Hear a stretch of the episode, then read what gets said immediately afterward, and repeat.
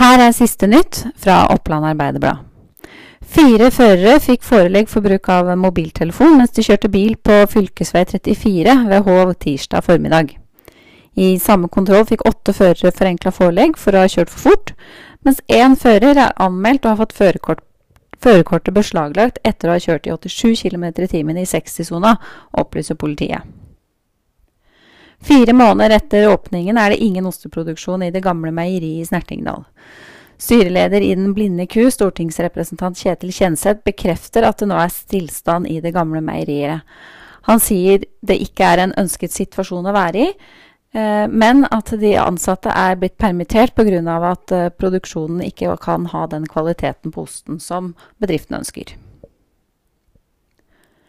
Kun 69% oppgir nå at de bruker belte når de kjører buss.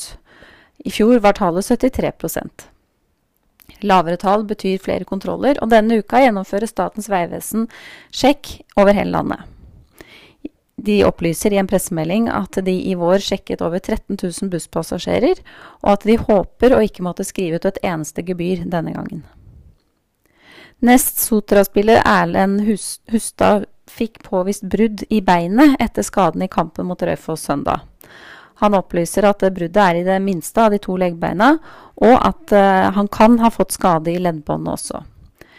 Hustad skal opereres på Haukeland sykehus tirsdag. Og det var siste nytt med Oppland Arbeiderblad.